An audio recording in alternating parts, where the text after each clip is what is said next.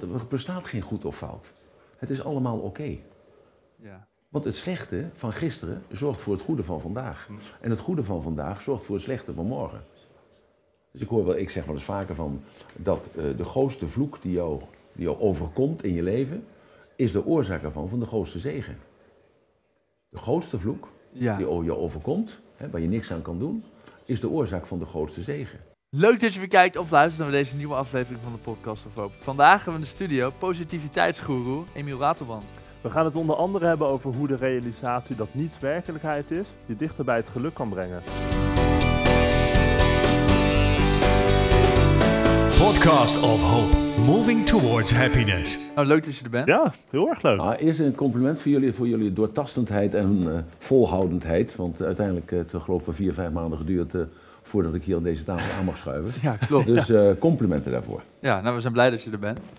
Ehm, Wederzijds ben ik blij dat ik hier mag zijn. nou, we gaan het hebben over geluk. Ja. Is dat een onderwerp dat je veel bezighoudt in het Nee, dagelijks je houdt me eigenlijk helemaal niet bezig eigenlijk. Want eh, ik geloof eigenlijk niet in geluk.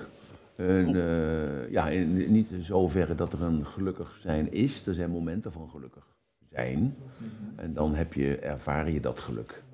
En, eh, ja, en iedereen doet natuurlijk ontzettend zijn best om dat geluk te voelen of daarin te zijn. Eh, iedereen heeft natuurlijk andere definities voor. De ene die ervaart geluk als hij eh, zijn centen binnenkrijgt. De andere ervaart geluk als hij zijn kinderen op schoot heeft. De andere ervaart geluk als hij mensen ziet werken en hij lekker niks hoeft te doen. Zo, dus zo'n, en geluk zijn momenten. Dus ik streef dat niet na, maar op het moment dat ik het gevoeld, gevoeld dan is dat weer, is dat weer voorbij. Ja, dus ik kan niet vragen van ben je gelukkig? Nee. Want dat bestaat niet. bestaat niet. In mijn eh, optiek bestaat dat niet. Er zijn momenten van gelukzaligheid of van, van gelukkig zijn. en dus noem het dan maar geluk. Of je hebt geluk, hè. iets valt jou toe. Hè. Dat, eh, eh, dus dan heb je geluk, dan ben je geluksvogel. Als je de 100.000 wint of zo. Of je ontmoet de vrouw van je leven. Mm. Nou ja, dat heb ik al meerdere keren meegemaakt. Dus dat waren allemaal gelukzalige momenten. En achteraf bleek dat toch een verkeerd moment te zijn en een verkeerd gevoel te zijn. Oh, dat kan wel. Het, het- het- Nou, dat geluk wat eerst geluk was, dat werd later ongeluk. Oh, oké, oké. Zo, dus, eh, dus je moet er niet te veel op richten en dan eh, zijn in het zijn en dan, dan voel je dat wel. Oh, je hebt je geluk dan ook niet zelf in de hand? Eh, nou, je kunt wel, je hebt het niet in de hand, maar je hebt het wel in de hand. Dus dat is echt een paradox. Want op het moment dat je je echt heel ongelukkig voelt, je wordt je wordt er depressief van en je wordt er een beetje zagrijnig van, dan moet je jezelf tot de orde roepen. En dat is een kwestie van je focus richten. Hè, dan moet je gaan denken van, ja, wat, wat bevalt me nou wel aan dit moment? Eh, wat vind ik nou wel leuk aan die persoon? Eh, hoe kan ik er nou het beste van maken? En dan blijkt in één keer dat dat moment van ongeluk eh, omgedraaid kan worden in een heel belangrijk moment. En dat is dus dan weer die metafoor die ik al wel eens vaker zeg tegen mensen. Hè, dat je dus dan op dat moment die metafoor niet begreep. En daarom was je dus een klein beetje ongelukkig daarin. Hè, en, en een beetje onbegrepen voelde je daarin. En dan in één keer denk je van, ik, ja, maar ik wil me niet onbegrepen voelen. Ik wil me niet slecht voelen. Ik wil me niet ongelukkig voelen. Dan, richt je je dus op iets anders. En dan wordt datzelfde, wordt dan de- eigenlijk de oorzaak van de gelukzaligheid op dat moment. Dus, dus door de momenten te interpreteren kun je er eigenlijk geluk in vinden. Ja, want stel voor je staat in de file en je wordt er zagrijnig van, want je komt dus dan eh, tien minuten te laat en je wilt gewoon niet te laat zijn. Dan kun je denken bij jezelf, kun je gaan vloeken en gaan schelden en gaan tieren en op de klakstoel gaan drukken en iedereen eh, een boos gezicht trekken. Je kunt ook bij jezelf denken van, nou ja, die tien minuten, dat kan iedereen gebeuren, laat ik even bellen dat ik tien minuten later kom. Dus dan maak je het rond, dat is integer zoals ik dat noem. En dan kun je van die tien minuten kun je dan genieten. En dan wordt het dus in één keer van een frustratie, van stressmoment, wordt het een gelukzalig moment. Dus dat is het sturen wat je kan met jezelf. Dit kan iedereen? Eh, dit kan iedereen, alleen je moet alleen natuurlijk wel eh, weten of geloven, het is eigenlijk geloven eigenlijk, dat je dat zelf kunt sturen. Hè, en daarvoor zijn een, een aantal basisvaardigheden nodig. En een van die basisvaardigheden is om te realiseren dat er geen werkelijkheid is. Er is geen werkelijkheid, er is alleen maar illusie. Klinkt drastisch wel. Ja, dat is wel een drastische vaardigheid. Ja. Ja, eh, nou nee, eh, alles is illusie. Want jij maakt er iets van. Eh, bijvoorbeeld, het mooiste voorbeeld is eigenlijk als je kijkt naar je broer of naar je zuster. Je bent zelf opgegroeid met papa, met mama. Nou, als je dan later aan je broer vraagt van, eh, ja, hoe, hoe vond je het eigenlijk vroeger? Als je papa gaat begraven bijvoorbeeld of zo. Nou, dan kijk je elkaar aan, dan moet je even huilen. En dan zit je nog, eh, rij je thuis eh, naar de, met de auto naar huis. En dan zegt je broer zegt tegen jou van, nou, ik ben blij, blij dat hij dood is. En jij zegt, ja, maar hoezo? Dat was onze vader. Ja, maar hij sloeg me altijd. En dan zeg je, ja, sloeg je altijd? Ik heb je nooit zien slaan. Nee, dat deed hij altijd als jij niet thuis was. Nou, dat kan ik me niet voorstellen, want mijn vader knuffelde mij altijd. Ja. Snap je? Dus, eh, dus dat zijn, eh, hetzelfde leven krijgt een hele andere invulling. ja, precies. Dus dezelfde persoon heeft eigenlijk een andere betekenis Ja, eh, dus door de ogen van... Ja, dus de werkelijkheid is een illusie. Want iedereen luistert, of er luisteren nou heel veel mensen luisteren hiernaar. En er zijn heel veel mensen die vinden er niks aan, dus die zijn er al uitgestapt. Er zijn andere mensen die zeggen, god interessant, twee jonge kerels die nemen het op tegen die, tegen die oude man. Nou, die zal wel even de vloer aangeveegd worden. Nou, en die, die blijft wachten tot de vloer aangeveegd wordt met mij. En anderen zeggen, god interessant onderwerp, misschien krijg ik wel een antwoord. Dus er zijn duizenden mensen en duizenden verschillende waarnemingen. Ja, En duizenden verschillende werkelijkheden. Zo, en als je dat kunt geloven, dan pas kun je je eigen werkelijkheid veranderen. ja, en die betekenis die je daaraan geeft... Dat ehm, bepaal je zelf. ja, ja dat, dat wil ik vragen. Die bepaal je dus zelf. Ja, dat bepaal je zelf. En dat lijkt me ook best wel lastig. Waarom? Nou, bijvoorbeeld hè, in dat voorbeeld wat u net, eh, net gebruikte, als je dan bijv- bijvoorbeeld eh, geslagen file. wordt. Of geslagen wordt. ja. Of ja, in de file staat, maar Ja, ja, dit- Als je dat- geslagen wordt, dan kun je dat ook het etiket geven van... ik ben toch de moeite waard om mijn tijd aan mij te besteden. Ja, dat is wel heel positief. Nee, eh, ja, nee, maar het gaat erom hoe jij je voelt. ja. ja, Daar gaat het uiteindelijk om. Het gaat niet om hem, dus de dader, of, of, eh, nee, of, of dat jij slachtoffer bent. Wil jij graag slachtoffer zijn? En als jij graag slachtoffer wil zijn, dan weet je dat iemand anders over jou de baas speelt. Ja. Het zijn altijd dezelfde vrouwen waar het tasje van gestolen wordt. Door een kut Marokkaan. Want die kut Marokkaan, die zit namelijk op een bepaalde trilling en die voelt de angst van dat vrouwtje wat over straat loopt. Hmm. Maar als ik met een tasje over straat loop en diezelfde eh, kut Marokkaan loopt daar, dan doet hij niks. Dus dan is het in één keer geen kut Marokkaan meer en is het gewoon een aardige vent. Want ik zeg hem goeiedag en hij zegt mij goeiedag. ja. Begrijp je het nu? ja ik, ik begrijp het wel, maar het is... Ja. ehm, Heel drastisch. dus hè, we- wederom in dit voorbeeld zou die vrouw ze ook die betekenis eraan kunnen geven dat het... Ja, maar die vrouw die straalt uit als ze bang is voor. Ja. En eh, ik geef er wel eens een voorbeeld aan. Ik heb een keer een seminar gegeven voor eh, eh, een beurs van, van eh, mensen die handelden in eh, vreemde valuta. En eh, dus ik vertelde dat verhaal en toen zeg ik, kijk maar luister, je begint eh, in de beurs te werken, krijg je eh, 10.000 euro. Daar mag je dan mee werken, mag je mee proberen. Aan het eind van de dag moet er 10.000 euro over zijn. Nou, die 10.000, als je dat goed doet, dan is het een volgende week krijg je 100.000. En dan krijg je 150 en dan krijg je 250 en dan krijg je een miljoen. En als je dat goed doet, allemaal, dat bouw je dan zo langzamerhand bouw je dat op. Dan krijg je dus onbeperkt eh, de valuta om mee te handelen. Zou je nou meteen eh, heel veel valuta krijgen, dan straal je dat uit en dan, dan wordt je handelen anders. Want, laat ik het anders voorstellen. Ik geef je nou, eh, ik geef jou gewoon nou eh, 100 euro. En ik vraag aan jou, wil je dat even gaan storten bij de ABN AMRO daar eh, in de passage hier om de hoek in, eh, in de Duiven? Nou, dan pak je de 100 euro en je loopt weg. Dan zeg ik, heb ik hier 100 miljoen. Ga eens even storten de passage. Hoe loop je dan over straat? Ja, dat is heel anders, ja. Precies.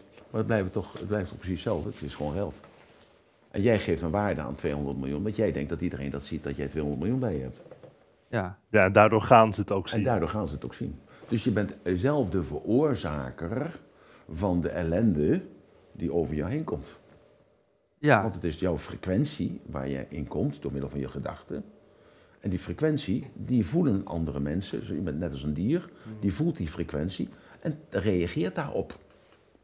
ja. Wel een geruststellende gedachtegang eigenlijk. Een geruststellende gedachte. Dat je alles zelf in de hand hebt op die manier. Ja. Ja. Want het Ja. zijn altijd dezelfde mensen die hetzelfde overkomt. En die, die, die worden zelf slachtoffer. Ik heb eens een keer een vrouw gehad, die kwam bij mij thuis. En die werd ik, werd ik verliefd op. En vanaf de eerste dag dat ze bij mij thuis was, gingen mijn zaken anders lopen.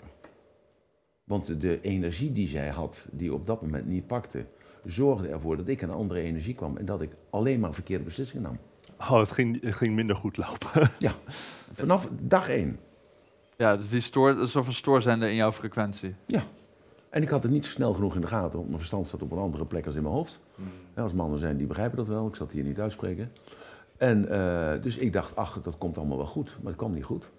Dus ik heb er een paar jaar mee gelopen. En een paar jaar heb ik gewoon alleen maar ellende meegemaakt. En toen heb ik afstand genomen van die vrouw. Er is een andere vrouw voor in de plaats gekomen. En ik stapte gewoon van de negatieve energie in de positieve energie. En alles ging in één keer crescendo vooruit. Klinkt een beetje als een, als een kunst of een vaardigheid die je kan leren. Van de meester van de frequentie worden. Nou ja, je, dat, dat doe je zelf al. Je doet dat zelf al, als er maar. Maar je laat je leiden door het lot. Dus op het moment dat jij de juiste man tegenkomt die in jouw frequentie stapt, of jij stapt in zijn frequentie, dan gaat alles goed. Dat is dan toevallig. Ja. Zo, hè? Zo. Eh, en als het fout gaat, dan is het toevallig ook zo dat het toevallig fout gaat. Mm. En als je voor jezelf weet van waar wil ik nou naartoe? Ik wil gelukkig zijn, of ik wil rijk zijn, of ik wil onafhankelijk zijn, of ik wil gerespecteerd worden, of ik wil verantwoordelijkheid voelen. Noem het maar op. Dan zijn dat doelen waar je jezelf op richt. Ja. En dan als, dat, als er een stoorzender komt, hè, dus bijvoorbeeld, wij zijn nu vandaag zijn we hier met z'n drieën bezig. Een stoorzender zou bijvoorbeeld zijn het geluid wat je op de achtergrond hoort. Ja. Bijvoorbeeld van iets wat staat te koelen. Eh, of eh, iemand eh, achter de steekt een sigaret op. Of eh, krabt ergens op een plek wat, eh, wat storend is in de, in de atmosfeer die wij samen creëren. En de mensen thuis, die voelen dat. Want die voelen dat jouw aandacht niet is. Ja, Ja, oh, dus dat, het werkt, niet- dat werkt helemaal door ook naar de Dat mensen die helemaal door. luisteren Ja, en dus kijken. dat ja. werkt door ook. Dus dat zie je ook met, bijvoorbeeld met groenteboeren. Hè, dus een echte ge- geboren groenteboer, die gaat anders met bloemkolen om dan een, gewoon een aangestelde groenteboer. Ja. Of een slager, een echte slager, die pakt het vlees anders beet als een aangestelde slager. En dat, bijvoorbeeld, dat, dat voel je, of dat proef je, dat, dat, dat, dat ben je als je in een restaurant bent. Dus, dus die man die creëert die sfeer in dat vlees, in die groente, in dat fruit. Ja. Zo, en dat neem jij over. Ja, En dat is kwaliteit. Zo, want het is, ah, oh, ruik eens, oh heerlijk. Want als je een biefstuk verkeerd snijdt, dan smaakt die anders. Het is toch dezelfde biefstuk? Ja. Het is dus de hand of het mes wat bepaalt. Want als het mes rot is, hè, dus bot is, dan wordt het anders gesneden en heeft een andere smaak. Ja. Dus een goede kok slijpt eerst zijn messen voordat hij het mes, voordat hij het mes in het vlees zet. Zo, dus dus een, een vak, alles is een vak. Ja. Ja, zou je, kijk, je zegt, eh, ik geloof niet in geluk als een soort van staat waar je in zit. Maar hè, als we nu toch even geluk noemen, zou je misschien kunnen zeggen dat geluk de afwezigheid is van, van stoorzenders? Dat er geen stoorzenders zijn, zodat je je gelukkig voelt? Nee, want ook in het, eh, in het moment dat er stoorzenders zijn, kun je heel gelukkig zijn. Want dan hoef je even je kunstje niet te doen, bijvoorbeeld. Zo, dus dan... dan hè, dus, oh, dus je kan ze ook opzoeken. Misschien is bijvoorbeeld eh, televisie kijken of zo, terwijl je eigenlijk iets anders zou moeten doen, is misschien een stoorzender? Een soort van afleiding? Ja, dat zou, dan kun je dat op dat moment betitelen. Je, moet, je hebt een klus te doen. Of je Ja. moet je voorbereiden, laat ik het maar even zeggen. Je moet voorbereiden. En iemand zet de televisie aan, dat is interessant. En je kijkt erna. En dan denk ik mezelf, oh, dat is eigenlijk best interessant. Kan ik het morgen ook even over hebben in het gesprek. Wat ik ga met Raadmond gaan doen. Ja. Zo, dus dat is de vaardigheid die je dan leert. Dat er bestaat geen goed of fout. Het is allemaal oké. ja. Want het slechte van gisteren zorgt voor het goede van vandaag. En het goede van vandaag zorgt voor het slechte van morgen. Dus ik hoor wel, ik zeg wel eens vaker van dat eh, de grootste vloek die jou, die jou overkomt in je leven, is de oorzaak ervan van de grootste zegen. De grootste vloek Ja. die jou overkomt, hè, waar je niks aan kan doen, is de oorzaak van de grootste zegen. Dus bijvoorbeeld, ik geef even een voorbeeldje. Mijn vader is overleden toen ik 12 was. Zou je de persoon die dit heel goed kan, hè, al die, die frequenties kan lezen, et cetera, zou je dat een gelukkig persoon kunnen noemen? Ja, wat is geluk voor, voor jou? Dus wat is geluk voor jou? Eh, nou ja, voor mij is een gelukkig iemand. een- Nee, jij. Wanneer ben jij gelukkig? Wanneer ben ik gelukkig? Ja. Eh, ik denk als ik met een diepe focus ergens mee bezig ben wat ik leuk vind, dan ben ik in mijn meest gelukkige staat. Dus, dus, dus jij bent echt helemaal bezig, dus dat je alles vergeet om je heen. Ja, En dat je je vergeet in het moment waar je mee bent. Dus dat is voor jou gelukkig. En wat is voor jou gelukkig dan? Ja, ik klinkt misschien een beetje stom, maar ik vind me de op, op ja, ik vind me dat is wel- wel een beetje eh, zwak. ja dat is wel Ja, een zwak- nou, zwak antwoord. Zwak Ja, maar als eerder mij Dit vind ik stoorzender. Ja, dat- Nee, maar ik, ik zou zeggen dat zijn momenten waarop ik gelukkig ben. Maar ik zoek nog wel een manier om dat soort van door mijn hele leven te krijgen. Om altijd in zo'n, in zo'n staat te zijn. Ik weet niet of dat mogelijk is. Ja, kan dat? Ja, dat weet ik nou, niet. ik, ik ben een hele simpele jongen. Mhm. En ik hou gewoon van hele simpele voorbeelden. En ehm, ik vind het gewoon, eh, ik ben gelukkig als ik de centen in de zak heb. En dan dat ik me niet druk hoef te maken over dat ik iemand moet betalen. Ja. Eh, dat ik me niet druk hoef te maken van, eh, ja, ik zie wat wat ik graag wil kopen en ik heb honger en ik kan het niet kopen. Dus dat ik weet dat ik het kan kopen. Dus dat is voor mij de eerste noodzakelijkheid die er is om gelukkig te kunnen zijn.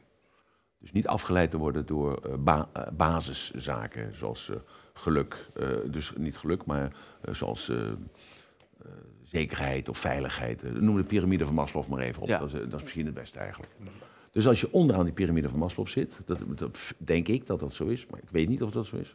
Misschien is dat alleen voor mij. Dat als je onderaan die piramide van Maslow zit, dat je moet vechten voor je brood elke dag. En dat je dus eh, niet de zekerheid hebt als je thuis komt dat het huis er nog staat. Oorlog, neem oorlog in de Oekraïne vandaag de dag. Dan ben je ook niet bezig met geluk. Nee. Zo, Dus dan ben je ook niet bezig met jezelf. Dan ben je bezig om te overleven. En dat zie je vandaag de dag heel veel. Dat heel veel mensen bezig zijn om te overleven. Dat zie je juist veel tegenwoordig. Ja. En hoe, hoe dan? Ik zou, misschien, dat- ik zou misschien eerder zeggen dat we tegenwoordig heel goed hebben dat we niet bezig hoeven te Ja, maar zijn. dat is een farce. Oké. Dat is een farce. Want die, de werkelijkheid is een illusie. Dus wat jij waarneemt, is jouw waarneming. Maar dat hoeft niet zo te zijn, want je moet het aan die persoon zelf vragen. Of hij gelukkig is. En dan krijg je vaak het antwoord van, ja, eh, gelukkig, ja, ik ben op dit moment wel gelukkig, want ik heb net mijn uitkering gekregen. Of ik heb, ben wel gelukkig, want ik heb net eh, met mijn vrouw een gezellig dagje uitgehad. Ja. En dan? En de rest? Zo, mensen denken niet veel verder na, omdat daar geen tijd voor is. Zoals politici zeggen, geef het volk brood en spelen. Want dan kunnen wij in ieder geval onze spelletjes blijven spelen. ja. Zo. Maar is, ehm, als zij zeggen, ik ben gelukkig, want ik heb net mijn uitgering gehad, dat is dus wel een valide, eh, een valide geluk. Het Op dat niet- moment. Ja, wij kunnen niet zeggen van, oh nee, maar geluk is veel hoger dan dat. Nee, dat is Dat dus is, voor hem is dat geluk. Ja. Ja. Voor hem is dat geluk. Dus daarom is het heel moeilijk om geluk eh, te verzorgen voor andere mensen. Want iedereen heeft een ander, eh, ander gevoel en een andere eh, definitie en een andere betekenis voor het woord geluk. Ja. Want als je kijkt naar bijvoorbeeld eh, trots, wat betekent trots voor jou? Voor mij. Ja, nee, maar bijvoorbeeld, ja. Dus wat betekent trots? Ja. ja, dus, nou, dus moet je over nadenken, moet je nagaan. En je wilt je toch graag eigenlijk altijd trots voelen. Ja. Bijvoorbeeld, of je hebt bijvoorbeeld het woord kwaliteit. Wat is kwaliteit? Ja, je streeft toch altijd kwaliteit na in datgene wat je doet. Mhm. Of dat nou in de relatie is, of het is een auto rijden, of het is een programma maken. Zo. ja, ik snap wat je bedoelt. want Kwaliteit is Ja. natuurlijk afhankelijk van eh, wat anderen vinden dat kwaliteit is. Hm. Nou ja, dat is voor jou zo, maar voor mij is dat niet zo. Want ik bepaal zelf wel wat kwaliteit is. Nee, precies, maar, nee, precies, maar als, als, ik, als ik jou bijvoorbeeld een biefstuk geef en Ja. dan moet goede, een goede kwaliteit biefstuk, dan is dat waarschijnlijk voor mij een andere kwaliteit Juist. dan wat voor jou een Exact. kwaliteit is. Ja, maar bestaat er nou al iets als kwaliteit op die manier? Nee, maar dus jij, de les is deze, dat het woord kwaliteit voor ons allen iets anders is. Ja, En als we naar buiten toe gaan en we gaan het vragen aan al die mensen, die hebben ook een ander woord voor kwaliteit. Hm. Dus daarom zijn het allemaal een beetje fluffwoorden. Ja, als wel. geluk zijn fluffwoorden, want je gaat jezelf na. ja, dat is voor ons natuurlijk een probleem, want wij willen, dat, eh, wij willen zoveel mogelijk mensen gelukkig maken. Maar dus als we niet kunnen definiëren wat, als er geen overkoepelende term van geluk is, dan wordt dat best wel lastig. Nou, om, nou dus, dus dat is één. Maar we moeten dus constateren dat er iets moet gebeuren opdat die persoon gelukkig wordt. Ja, En dat is dus bij mij, ik moet een cent in de zak hebben. Jij moet dat moment hebben dat er niemand is, dat jij dus in de koker zit van waar je mee bezig bent, wat jij leuk vindt. Ja. Dus je bent helemaal alleen. Ja. Dat zeg je dus eigenlijk. Hè? In principe Je hoort, wel, je ja. ziet niks. En jij spreekt hem na. Dat is lekker makkelijk. Ja. Hè? Terwijl, je nooit dat, eh, terwijl hij nooit zo geconcentreerd bezig is geweest. Dus hij weet helemaal niet eens wat. nou zeg. nee, nee, nee. Maar, Ouch. eh, ja. Zo, dus, dus eerst als je met elkaar samen bent. En daarom is het ook zo, bijvoorbeeld een relatie is heel moeilijk. Hè? Dus eh, als je een partner hebt. Want je, je denkt dat je gelukkig bent, want je wordt verliefd. Je hebt die roze bril op. Ja. En dan na drie maanden, want dat zijn, ja, dat zijn allemaal hormonen eigenlijk, de roze hormonen. En dan na drie maanden eh, ja, is het normaal dat die hormonen er zijn, dus je voelt ze niet meer. Dus ze zijn, ze zijn er nog wel of ze zijn weg in ieder geval, maar dat gelukzalige gevoel gaat weg. Ja. En dan worden er gewoon afspraken gemaakt over eh, de dagelijkse gang van zaken. Ja. En als je dus daarin kunt vinden in elkaar, ja, dan eh, voel je een, zweem van dat geluk wat er ooit was. Hm. En je hoopt dat dat, dat dat geluk ooit nog weer een keer zal komen. Dus dat is Ja. altijd vechten voor iets wat geweest is. Ja. ja, dat klinkt best wel, eh, best wel verdrietig eigenlijk. Nee hoor. Want heel veel mensen leven zo. En die hebben daar nog nooit over nagedacht. En die accepteren gewoon dat het zo is. Ja. Dus daarom heb ik met mijn draagmoeder, ben ik achteraan begonnen, heb ik eerst een zakelijke overeenkomst gesloten. En met die zakelijke overeenkomst hebben we een kindje verwekt. En eh, dus dat, dat doe je eigenlijk altijd eh, nadat je verliefd bent, maak je die zakelijke overeenkomst. Hè, want dan bepaal je wie de hypotheek betaalt, of wie de boodschappen doet, of wie de stofzuigt. Maar ik ben van tevoren gezegd, jij stofzuigt, jij eh, strijkt, jij baart het kind. En eh, jij hebt ellende en het kind moet je aan mij afdragen. En dan, eh, dan ben jij gelukkig. Nou, even, snap je? Zo, Ja. dus ik ben achteraf begonnen. En wat blijkt dan? Dan blijkt dus op een gegeven moment dat die vrouw zich, zich schikte. Mhm. En, eh, en, en toen kwam er dus iets van genegenheid naar boven. Dus achteraf pas. En dus door, Ja. dus door dat spel wat er gespeeld werd eigenlijk. En dat ik een, een, soort, een soort liefde voelde voor die vrouw. Waarom? Want ik zag dat hoe lief zij voor dat kind was. Ja. En ik, eh, en ik vond het echt fantastisch dat zij dat kind wilde baren, baren en aan mij wilde geven. En de afstand veel wilde doen. En toen dacht ik, god, wat ben je toch een fantastische vrouw. Dat je dat over kunt hebben voor iemand anders. En toen ging ik van die vrouw houden op een andere manier als dat je dus eerst die roze bril op hebt. Hmm. En toen pas begreep ik dat je dus in het oosten heb je gearrangeerde huwelijken. En die had je vroeger in het westen ook. Dan bleek dus pas dat ik dacht, ja, nou begrijp ik pas een gearrangeerd huwelijk. Dat het eigenlijk veel beter is als onze westerse manier van verliefd worden. En denken van het moet zo blijven, maar we weten allemaal dat het niet zo blijft. En, en, en je hele leven maar daar hopen dat het zo is. En je jezelf aanpast. Ja, en in dit geval zijn dan beide, eh, een man en vrouw zijn dus gelukkig. Dus het is mogelijk om beide gelukkig te maken op die Ja. manier. Dus maar met een heel ander uitgangspunt. Door te zeggen, eerst van dit zijn de voorwaarden. Dus, dus je maakt een contract met elkaar. En ik ben begonnen met een contract te maken en daarna is de liefde gekomen. En de meeste mensen die hebben eerst de liefde, de verliefdheid. En maken daarna een contract. En daarna gaat het fout. Ja. Al op die manier is een gearrangeerd huwelijk beter, ja. Ja, ja. Ja. ja.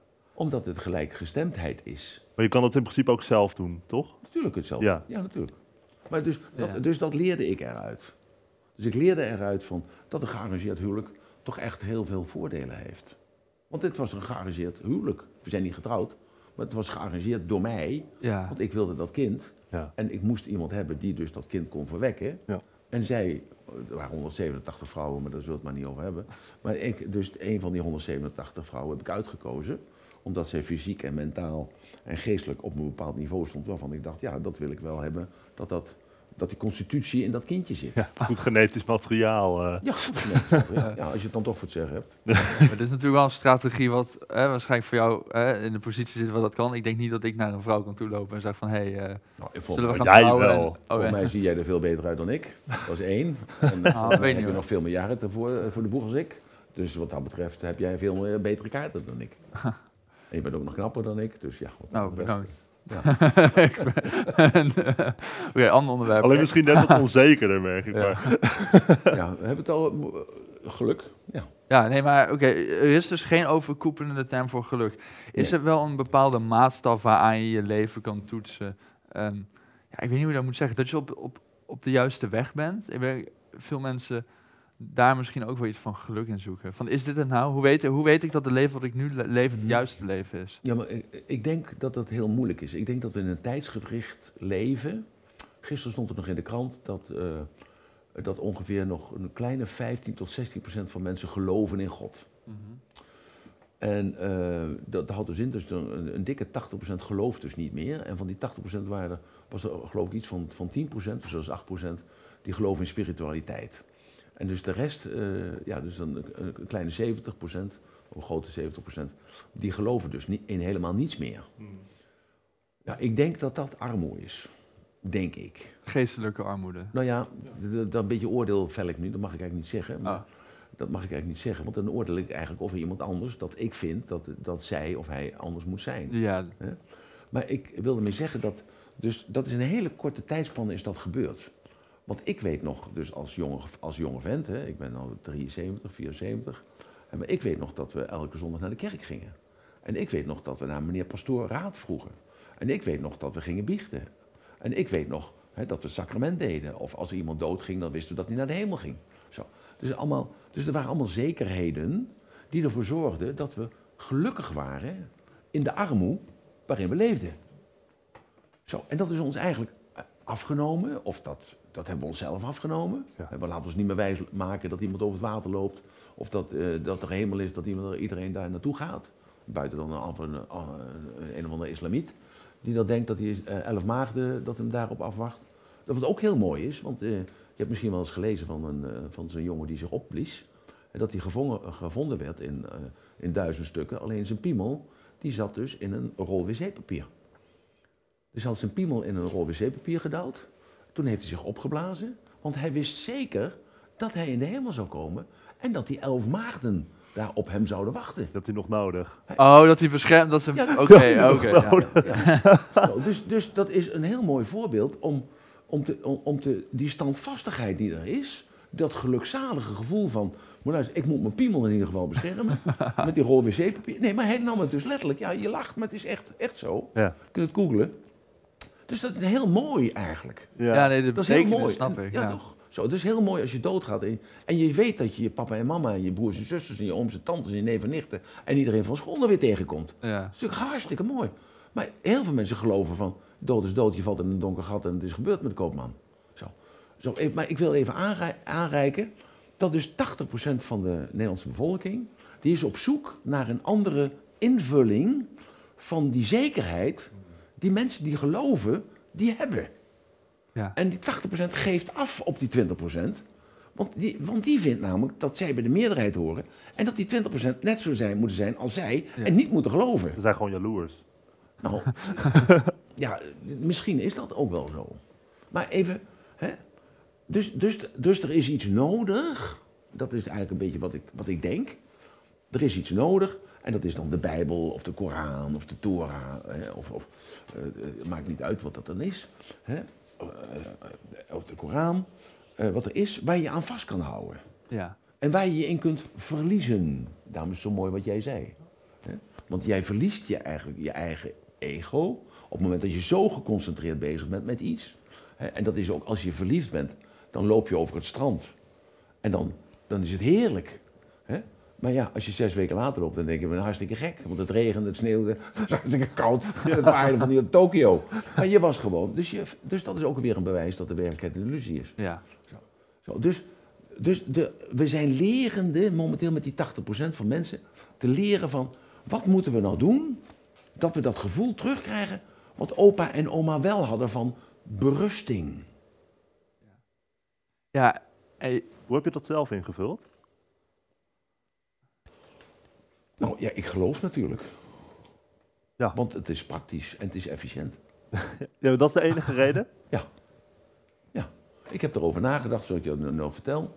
En toen dacht ik bij mezelf, ja, dus je moet gewoon ergens in geloven. Hmm. En toen ben ik die boeken gaan lezen. Ik heb de Bijbel gelezen, de Koran gelezen, de Torah gelezen, Kabbalah gelezen. En nog wat andere gesprekken gehad met, eh, met mensen. Ben in kloosters geweest. In Nepal en in China, in, in eh, boeddhistische kloosters. Ben in christelijke kloosters geweest. En ik heb daar eh, geluisterd. En, en niets gezegd, bijna niet voor te stellen. Maar niets gezegd, alleen geluisterd. En, op een zeker moment dacht ik van, ja, eh, er is dus iets. Maar wat is er dan? Er is iets, maar wat kunnen wij niet begrijpen? Wij, wij zijn, dat voor mij, hè? Dus alleen voor mij. Dat heb ik bedacht. Dus het is mijn, mijn ding. Ja? Dus er is iets wat wij niet kunnen begrijpen, want daar hebben wij niet het verstand voor of het, het inzicht voor. Dat het, het is iets veel groters als dat wij zijn. En dat kun je alleen maar accepteren dat dat er is. En dat heeft een, niet een sturende factor, maar wel een bepalende factor. Hij, zij of het, of wat het ook is, die zet wel punten in de verte hè, voor in jouw leven. En dan, jij moet zorgen dat je dat punt bereikt. Hmm. En als je dat punt bereikt, dan heb je dat gelukzalige gevoel.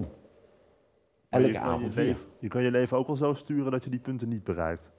Nee, want dat, dat is zo bepalend Ja, wel, dat het wel, wel gebeurt. oké. Wel een soort van predestinatie-idee. Ja, dat is er zeer zeker. Alleen s'avonds moet je jezelf dan herstellen. En dan komen de ritualen, hè, de ritualen komen dan tevoorschijn. En dan zijn dan gewoon een hele... Het zijn allemaal dezelfde ritualen. En dat is bijvoorbeeld een rituaal van bidden. Maar een bidden is eigenlijk alleen maar weer eiken. Meten en eiken. ja. Zo, dus elke avond als je bidt, dan eik je dat moment. En dan kijk je terug naar vandaag. Van, en dan, ik stel mezelf drie vragen. Hè, dus het bidden eh, stel, is voor mij drie vragen. Wat heb ik vandaag gegeven? Van mijn energie, van mijn liefde, van mijn aandacht, van mijn financiële rijkdom. Wat heb ik vandaag gegeven? Wat heb ik vandaag geleerd? Wat heb ik geleerd van de momenten? Wat heb ik geleerd van de file? Wat heb ik geleerd van de depressie? Wat heb ik geleerd van het geluk? Wat heb ik geleerd vandaag? En wat heb ik gedaan? Wat heb ik vandaag gedaan waar ik trots op mag zijn? Zo. Dus ik eik als het ware en dan laat ik dat achter me. Mm. Maar ik heb mezelf als het ware zo een biecht naar mezelf toe gedaan. Dus ik heb mezelf geconfronteerd met de goede en de foute zaken, maar meer met de goede zaken. En dus het foute blijft achter, daar heb ik van geleerd, en ik ga verder. Ja. Je- Zo, dus, dus ik gebruik dus de, de ritualen, maar op een andere manier. En zo ge- geef ik invulling aan dat moment, dus zekerheid. En die zekerheid geven dus een moment van, ik doe het goed. Dus dat kun je geluk noemen, maar ik noem het dan eh, standvastigheid of ik noem het eh, een moment van eh, reflectie. En dan kan ik een moment van rust en dan kan ik weer verder. Dus Ja. Het is ook een beetje checken of je leven nog op de goede koers zit eigenlijk.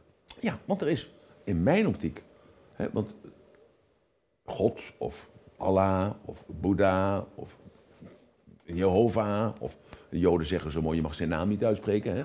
Dus die zeggen dan ja, J-A-H-B-E. Ja. Hè? De, die kan niet scheppen. Hij fluistert in je oor. En jij schept, jij maakt. Dus wij materialiseren. Ja. Dus wij zijn het verlengstuk van, van het goddelijke. Hij schept door ons Ja, eigenlijk. ja, exact. Ja. Zo. En of dat nou zo is, dat weet ik niet. Maar het voelt wel goed. ja, ja. ja. Dus daarom zeg ik, Ja. het is efficiënt. Ja. Zo, dus, dus dan krijg je dat geluk. Dat krijg je, want je hebt iets gepresteerd, of je hebt iets gecreëerd, of je hebt iets eh, gegeven. Dat is allemaal eigenlijk hetzelfde. Je hebt, van je rijkdom gegeven. Dat is ook als je, als je iets, eh, een uitvinder bijvoorbeeld, die vindt iets uit. Maar dat komt, waar komt dat nou vandaan? Mm. Waar komt dat nou, die noodzakelijkheid vandaan om te bedenken, ik ga een gloeilamp maken. Of eh, die Musk, ik ga elektrische auto's in de markt Ja. zetten. Of, of meneer Ford, die zegt, ik ga een lopende band maken. Of meneer Philips, snap je? Ja. Waar komt dat nu vandaan? Maar hij maakt dat, of zij doet dat. Ja. Zo, en, dan, en dan krijgt dat, dat hele goddelijke, eh, hè, dat gaat dan weg van het eh, spirituele, dan wordt het gewoon praktisch. En dan is het praktisch, dan denk je, ja, het is ook zo. Die katholieken hebben ook gelijk. Die hebben overal een beeld hangen. Want het is veel makkelijker om aan een beeld te bidden dan, eh, eh, aan- dan een protestant. Want het is maar saai. Die moet maar denken dat er iemand hangt. Of dat er iemand op water loopt. Oh, Die mag niet kijken naar een tekening. Nee, maar je zegt eigenlijk, het maakt helemaal niet uit of het echt is of niet. Geloof gewoon uit een soort van praktische noodzakelijkheid. Ja, er is toch nooit iemand teruggekomen? Nee. Ja, dus we weten het toch niet? Nee, dat is, dat is zo. En is dat dan ook een beetje die metaforica waar we het eerder over hadden? Eh, dat je zelf die betekenis geeft aan bijvoorbeeld zo'n beeld? Ja, je geeft zelf die betekenis daaraan.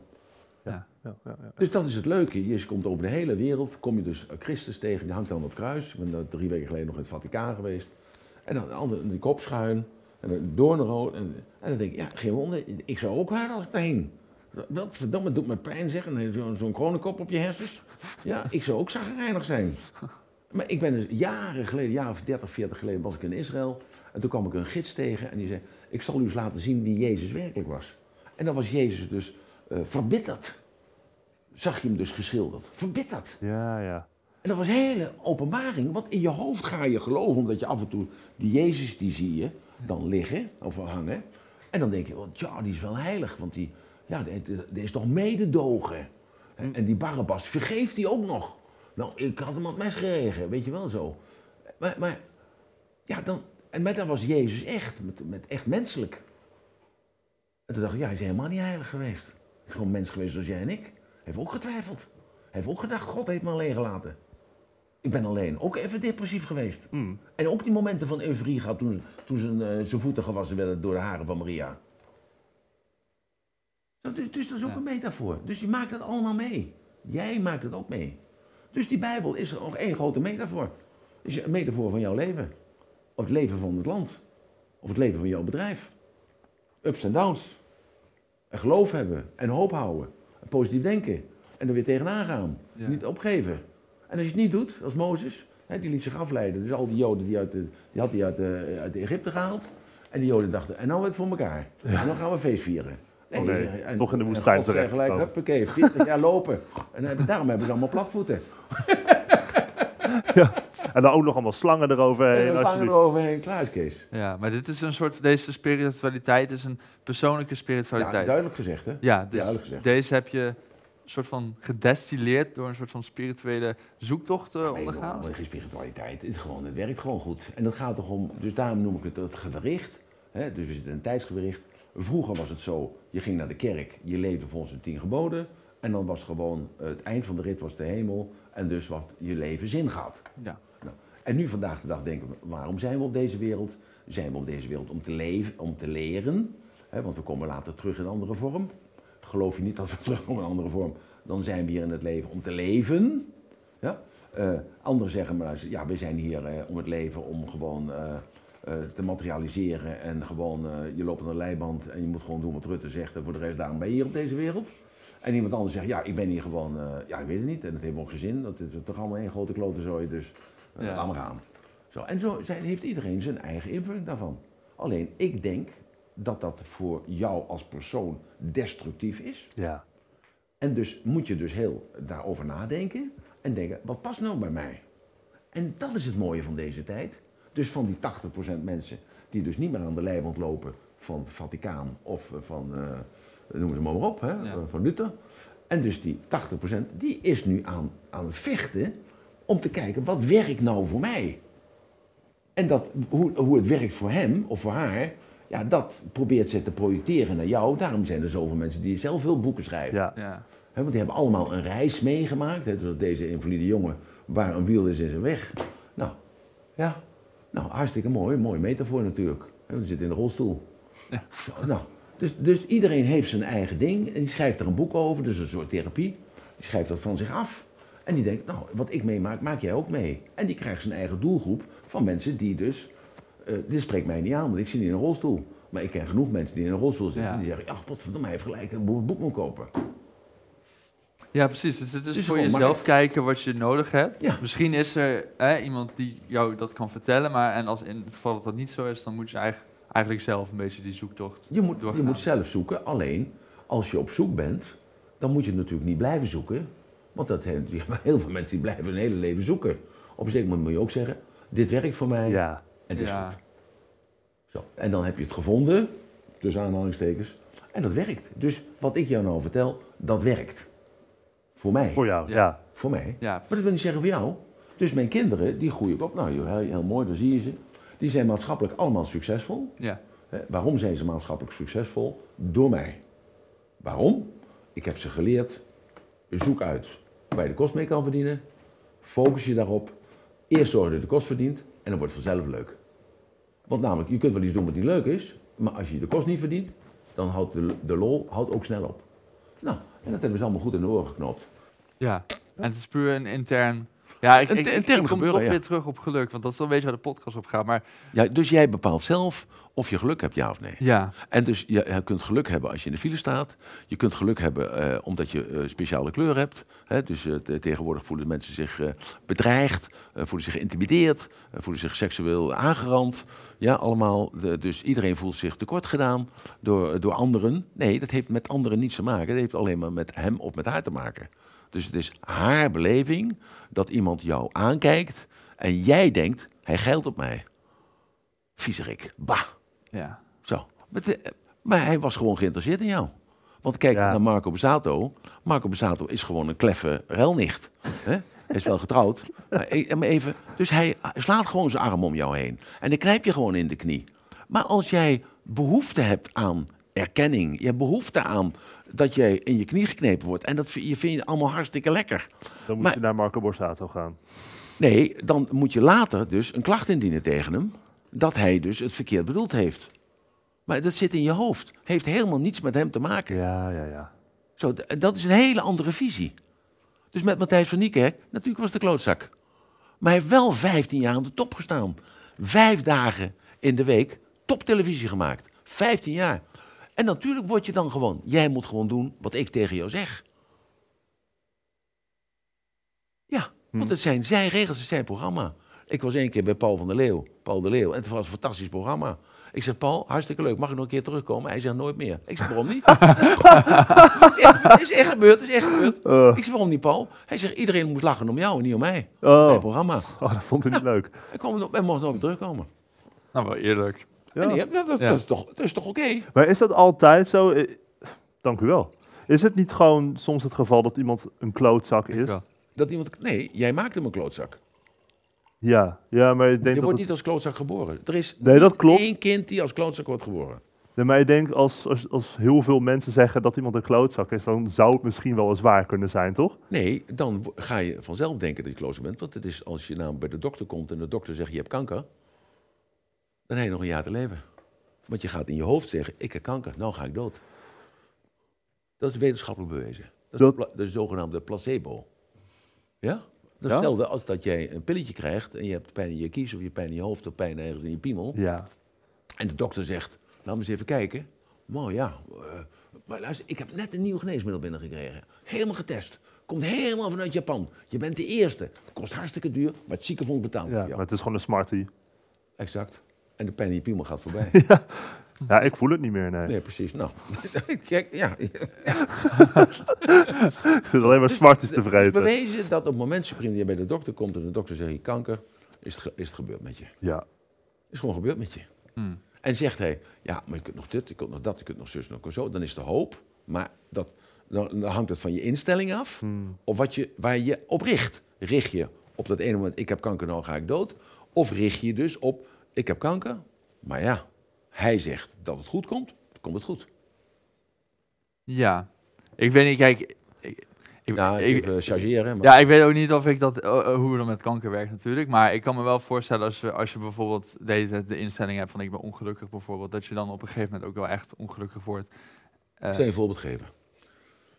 Ik heb vijf jaar geleden hebben gezegd, ik wil 25 jaar jonger zijn. Dat is nog wetenschappelijk onderbouwd ook, want de telomeren bepalen namelijk, het is een lang verhaal, maar telomeren, de lengte van je telomeren bepalen eigenlijk hoe lang je nog te gaan hebt.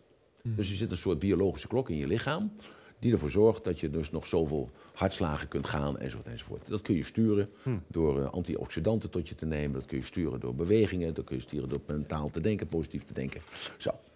Dus toen ik wist dat ik een hele lange telomeren had, je moet het maar even opzoeken in Wikipedia. Toen dacht ik van, en die, die arts, die professor, zei tegen mij, je bent 25 jaar jonger. En hoe kwamen we daarbij? Daar kwamen we bij namelijk, ik laat me elke zeven jaar ortomoleculair onderzoeken. En ik laat me elke twee jaar laat ik me onderzoeken, gewoon door middel van, eh, eh, met, een, met een foto en dergelijke. En in Baren. En eh, dus dat doe ik al, even kijken, ik doe het al 35, 40 jaar. Dus hebben referentie. En vanuit die referentie kunnen ze dus zeggen, hé, hey, je botdichtheid neemt toe. In plaats van dat het afneemt. ja. Ze kunnen dus zien dat je dus je hart eh, beter is dan tien jaar geleden. Of slechter is. Ze, de T-cellen zijn intensiever of minder intensief dan vijf jaar of tien jaar geleden. Zo. Dus dat is referentiekader bij jezelf. En dat bleek dus dat mijn gezondheid beter was dan tien jaar geleden. Maar dus niet alleen dat ik eh, meer adem had doordat ik eh, beter liep of zo, nee. Maar de hele constitutie of de hele conditie in mijn lichaam was beter geworden ten vergeleken met tien jaar geleden. Mhm. En dat had te maken met die telomeren. En toen heb ik gezegd, nou dan wil ik 25 jaar jonger worden. En dus toen ik dat Ja. moment zei, ik wil 25 jaar jonger worden. Toen was je 25 jaar jonger. Toen heb ik gezegd, ik ben eigenlijk 25 jaar jonger, want ik Ja. geloofde die arts. Ja. En ik heb mijn acties daar ook naar gericht. Daarom heb ik nog kinderen gekregen. ja, dus je zegt dat omdat het dan een soort werkelijkheid wordt Voor de eigenlijk. werkelijkheid. En nu ga ik met mijn kind, ik ben 74 jaar. Ik ga met mijn kind in de ballenbak. En ik speel in de ballenbak met mijn kind als een vader van 48. Ik kruip op de glijbaan en ik kruip er omhoog en ik kruip er leeg. En ik doe dus alles wat normaal een vader doet van 48 jaar. En dus mijn hele lichaam volgt die gedachte. Ja. En dat heet dus epigenetica. Dat is weer een nieuwe wetenschap. Ja, het is natuurlijk ook dus dat je leeftijd niet per se ziet als hoeveel tijd er is verstreken, maar eh, in verhouding met de staat van je lichaam. Exact. Ja. daarin kan ik me ook wel meer vinden, denk ik. Goed, en dat zie je dus Ja. vandaag de dag met biohacking. Hè? Biohacking is dus dat je je lichaam verbetert. En je krijgt een kroon, is biohacking. Plantage, intreden, een laser met je ogen, een ho- gehoorapparaatje, eh, een nieuwe heup bijvoorbeeld. En daardoor krijg je weer levenslust. Ja, En door die levenslust ga je weer dingen doen die je eigenlijk, die opa en oma niet meer deden of niet meer konden. ja. Zo. En je hebt ook nog een keer dit AOW erbij. Je krijgt eh, 1200 of 1300 piek in de maand. Dus je hebt ook nog een be- bepaalde vrijheid, financiële vrijheid daardoor gekregen. Dus daarom zijn vandaag de dag, eh, de, vandaag de 70-jarigen, zijn de 60-jarigen van, eh, of zijn de 80-jarigen van, eh, van 20 jaar geleden. En daarom, jullie zijn, eh, hoe oud ben jij? 21? Je bent 23? Ja, ik ben 23. Nou, alle twee, ben je alle twee 23? 24. Nou, 24. Nou, jullie worden minimaal 110. Nou, zou mooi zijn. Nee, ja. ja, als je maar gezond natuurlijk en eh, in, eh, in een goede doen. eh, En als ik het geloof. Als ik zeg, ik word 110. Ja, 110 vind ik niet heel ver gezocht, moet ik eerlijk zeggen. Nee. maar- Nou, kijk eens, maar als, als we dit 50 jaar geleden hadden gezegd, hadden wij gezegd, je bent hartstikke gek. Ja, maar Ja. was hij dan wel misschien 110 geworden? Nee, er zijn natuurlijk, ja, ja en nee. Hè, er zijn dus waarom, we proberen daar vat op te krijgen. Dus we proberen ook vat te krijgen op geluk. Proberen we ook vat te krijgen op, hoe kan het nou dat iemand gezond oud wordt? Ja. En dan kijk je naar de blue zones, hè, er zijn blauwe zones, zeven eh, zones om de wereld. Ja. En die mensen doen dus iets anders als dat andere mensen doen. En wat doen die mensen? Die mensen hebben allemaal een geloof. Daar beginnen we al mee. Ja. Dus die 80% in Nederland, die, die geen geloof heeft, die, die vallen al af. Nou, dan eten ze heel veel vis. Mhm. Ja? Maar ze hebben allemaal, ze blijven tot in hoge leeftijd blijven ze actief. ja. Ze blijven sociaal actief. Mhm. Ze werken met kleinkinderen, ze zijn lid van de biljartclub, ze gaan bo- bloemen schikken, eh, ze proberen nog een andere taal te leren. En daardoor blijven ze ook jong. Ja. En als je gezond nadenkt, is dat natuurlijk ook zo. Want als je elke dag blijft zitten bij de tv met een dikke sigaar in je mond en een flesje nevel daarbij, ja. Ja. dan gebeuren andere dingen. Als dat je zegt, oké, ik ga even lekker eh, eh, stretchoefeningen doen. Of Ja. ik ga even naar buiten toe, ik ga even lekker in de zon liggen. Ja, en eh, mijn vrouw is overleden drie jaar geleden. Nou ja, oké, eh, laat ik eventjes een andere opzoeken op Tinder. Ja. Maar waarom heb je dan precies besloten om te zeggen, ik ben 48 en niet, ik ben 72, Nou, dus 73 en ik, en ik word De telomeren hebben 130 een of bepaalde lengte. 120? De telomeren hebben een bepaalde lengte. Ja, En die, die, die krimpen niet, maar die geven stukjes af bij het dupliceren van de DNA en de RNA.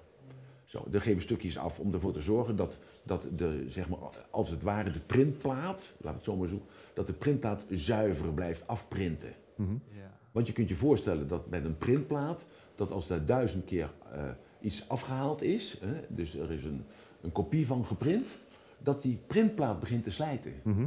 En die telomeren, die als het ware, die, die vult die, eh, die printplaat op, dat het de juiste printplaat blijft. Oh ja? Dus de kwaliteit van je cellen is beter doordat je telomeren hebt. En als je dus oud, ouder wordt en je hebt verkeerd geleefd, je hebt koffie gedronken, je hebt alcohol gedronken, je hebt negatief gedacht, weinig bewegen en, zo, en veel stress gehad. Dus stress is de factor. Stress heb je, fysieke stress zijn ontstekingen. Mhm. Er zijn allerlei ontstekingen in je lichaam, door middel van de oxidanten die je tot je neemt. Ja? En je hebt dus de, eh, de externe stress, de, de, de, mentale stress. Mhm. Dus je zit in de auto, bent te laat, word hartstikke gek van. Nou, dus is mentale stress. Dus de mentale stress is subjectief. Want je kunt ook zeggen, even lekker dat ik vijf minuten voor me heb. Zo, dat is één. En dus de fysieke stress is dus, waarne is dus waarneembaar, is meetbaar, maar nee, ligt aan je voedsel. Mhm. Ligt aan je zuurstofinname. Ah, ja. Zo, dus daardoor zijn die telomeren zijn voor mij relatief gesproken lang. Alsof ik 25 jaar jonger was. Dus ik had de telomeren die dus eigenlijk bij iemand horen van 48 jaar. Ja. En, en dit heb je dus gedaan door middel van geen koffie drinken, niet die... Dat wist ik niet. Dat wist ik niet. Dat, dat is bijvangst. Want ik voelde me niet goed. Want ik moet, ik moet heel veel praten. Hè, dus ik ben een motivational speaker. Dus ik praat gewoon seminars 18, 19 uur aan één stuk door. Het tempo wat ik nu ook doe. Zo. En ik had in de gaten dat als ik koffie drink, dan neemt mijn stem af. Oké, En ik vond het praten, onbelemmerd kunnen praten, belangrijker als die paar koppen koffie die ik dronk. Ja. Zo, dus ik ben gestopt met koffie drinken. oké, ja. Zo. En hetzelfde met nicotine, hè? dus eh, geen alcohol. En ook geen alcohol. Geen nicotine, geen alcohol. Is wel eigenlijk gewoon positief toeval eh, op die manier. Ja, en dat, dat viel mij dus toe, eigenlijk als het ware. Alleen kun je zeggen, ja maar luister, ik had mijn richting daarop ge- opgesteld. Van hoe kan het nou dat een placebo kan werken? Hoe zit dat nou? Ik kwam dus met een professor in contact. Die professor die zat in eh, Athene. Ik ben naar, ben naar Athene toegevlogen. En die, eh, die mevrouw, die was, professor, was gespecialiseerd in de stress. En die had het over telomeren, Hmm. of de lengte van telomeren. Ik had nooit van gehoord, ik wist helemaal niet wat het was. En toen heeft, ben ik doorgegaan naar Barcelona. En daar hebben ze mijn bloed afgenomen en hebben ze me helemaal onderzocht. En toen bleek dus dat ik dus zo jong was. En toen heb ik vanaf dat moment die beslissing genomen. Ja. En dus mijn hele leven is anders gaan lopen. Ja. Maar jij neemt ook wel beslissingen. Dat je zegt, maar luister, ik, eh, ik doe nou rustig aan, bijvoorbeeld. Eh, of, of je zegt nu, eh, ik word militair. Dan op dat moment neem je ook een beslissing. En de consequenties is dat je in Oekraïne terechtkomt en dat je benen afschieten. En dat je dan daarna in de invalide stoel komt te zitten. Bijvoorbeeld. Maar dat was dus uiteindelijk oorzaak en gevolg je eigen beslissing om soldaat te worden. Ja. Zo, dus alles is oorzaak en gevolg. Dus dan kom je weer terug bij het spirituele. Hè? Dus karma. Dus je creëert je eigen karma. Oh ja. Nou, we zijn een beetje aan het eind gekomen. We Ja. vragen altijd onze gasten op het eind voor een voorwerp. Ik weet niet of je... Heb, heb jij een voorwerp meegenomen? Waar je gelukkig van wordt of inspiratie? Ik heb mezelf meegenomen. Jij bent waar Dat is je... een mooi voorwerp. Ja, de eerste ook, maar... Ja, maar ik kan mijn autosleutel tevoorschijn halen. Of Word je ja, gelukkig van je autosleutel? Word ik gelukkig van mijn auto? Ja, zeker. Want als, mijn auto- als mijn auto kapot is, dan word ik heel ongelukkig. Moet ik lopen. Dan heb ik helemaal geen zin in. Of met de trein. Of eh, ben ik afhankelijk van andere mensen. Zo, dus eh, nee, eh, dus voor mij is geluk ook bijvoorbeeld dat ik onafhankelijk ben. Oh ja. Ja, bijvoorbeeld. Vandaar ook dat geld je gelukkig maakt in Ja. principe. Ja, Ja. maar dat is, o- dus, dus voor mij is dat onafhankelijkheid, is dat ik kan zelf bepalen waar ik naartoe ga. Ik kan zelf bepalen hoe ik ergens naartoe ga. Ik bepaal zelf met wie ik, eh, met wie ik ergens naartoe ga. Dat bepaal ik zelf. en dat geeft mij geluk. dus er zijn dingen die moeten gebeuren voordat je dus dat geluk kunt ervaren. Hmm. Ja. En dat geluk is altijd een hormoon. Dat geluk is altijd een hormoon. ja. Juist. Dus jij geeft een bevel aan jouw eh schildklier of je geeft je een bevel aan, eh, aan wat dan ook. En dat zorgt ervoor dat je dus dat, dat hormoon geactiveerd wordt. En dat zorgt ervoor dat je die gelukzalige momenten ervaart. Ja, je, je kan jezelf zo opstellen dat je zo vaak mogelijk die hormonen vrij maakt Ja. eigenlijk. Je doet het tegenovergestelde doe je ook. Ja. Dat zorgt ervoor dat je dus zagrijnig wordt. Ja. Omdat hij niet doet wat je zegt, of omdat hij belofte niet nakoopt, of omdat gewoon, nou weet ik veel wat hij doet. Nou, dan, dus die andere die trekt aan jouw hormonen. Dus die bepaalt dat jij zagrijnig wordt. Ja. Nou, en dat wil ik nou eens even lekker niet. Ik wil gewoon zelf bepalen hoe ik me voel. En als ik me depressief voel, dat voel ik me eigenlijk nooit. Maar als ik me depressief voel, nou dan laat ik dat ook zo. Mhm. Maar als ik het podium op moet, of ik moet hier zijn, of ik moet eh, de trein hebben, of ik moet eh, gewoon, eh, dan denk ik, hoezo depressie? Weg, Ja, depressie, huppakee, weg. En dan Ja. draai ik gewoon zo om en dan is het anders. En zo makkelijk is het gewoon. En zo makkelijk is het gewoon. Dus al die lulverhalen van mensen die depressief zijn, of die aan burn-out lijden, of die mensen die gewoon er niet meer zien zitten van de brug af willen springen. Wel een controversiële mening hoor. Nou, ik denk als je mijn boeken leest, dan weet je dat ik controversieel ben. Ja, dat is zo. Zo, hè? Ja, Dus, dat eh, verbaast me ook niet. Nee. En, en dat is hetzelfde met al die mensen die zich dus seksueel eh, geïntimideerd voelen, of die beledigd worden, of tekort gedaan worden. Dat is gewoon een verdienmodel. Dus die, die golddiggers die doen het allemaal natuurlijk. Ja, ja, je mag het niet zeggen, hè. ja, je, wordt- je bloost ervan. Maar eh, je mag het niet zeggen, maar het is gewoon zo. En dat is met Matthijs van Niekerk ook. Ik ben de enige, nee, samen met, met iemand anders, met z'n tweeën waren we geloof ik, Danny Munk ook, eh, dat we het opgenomen hebben voor hem. En terwijl ik ook aanvaringen genoeg heb gehad met hem. Hm. Maar ik luisterde naar hem, want het was zijn programma. Dus daar heb je alweer iets. Het was zijn programma. Dus ik deed uiteindelijk wat hij wilde. Want het was zijn programma en het was een goed programma. En dat, daar, daar moet gewoon af en toe Ja. wat over gebeuren. Daar moet voor, gewoon wat voor gebeuren. En zoals met Ali B. Ja, ik krijg ook dagelijks eh, eh, sms'jes met telefoonnummers van... als je in de buurt bent, kom je dan even langs. Nou, en dan een foto erbij van iemand, een dame die eh, een korte rok aan heeft. Ik heb nog nooit een, een, een foto gekregen van een, van een kerel. Die zegt, kom je vanavond langs? Want, eh, Heb je die van mij niet binnengekregen gisteren? Geef me even, ik geef me even aan. Dus, dus een vrouw voelt zich aangetrokken door mij, een man schijnbaar niet. Nou, dat Ja. heeft hij goed gevoeld. Ik ook niet tot hem. Ja. Nou, dat is niet zeggen dat hij minder is of meer is. Nee, dat, het is gewoon zo. Dus andere, andere golflengte. Ja, Nou, en als ik dan s s'avonds eh, Ali B, weet ik toevallig even een vrije relatie. Nog steeds. Dus een vrouw die mag buiten de deur wippen en hij mag buiten de deur wippen. Ja. Nou, dus wat let hem dan? Als hij in Amsterdam is en, en heeft die juffrouw in zijn 06 eh, discotheek staan. En dat hij dan die juffrouw belt en zegt, ik kom vanavond even wippen. Ja, lijkt me geen goede basis voor een relatie, maar eh, Nee, maar wel om even te hij moet doen wat hij wil. Dus dan ben je even gelukkig.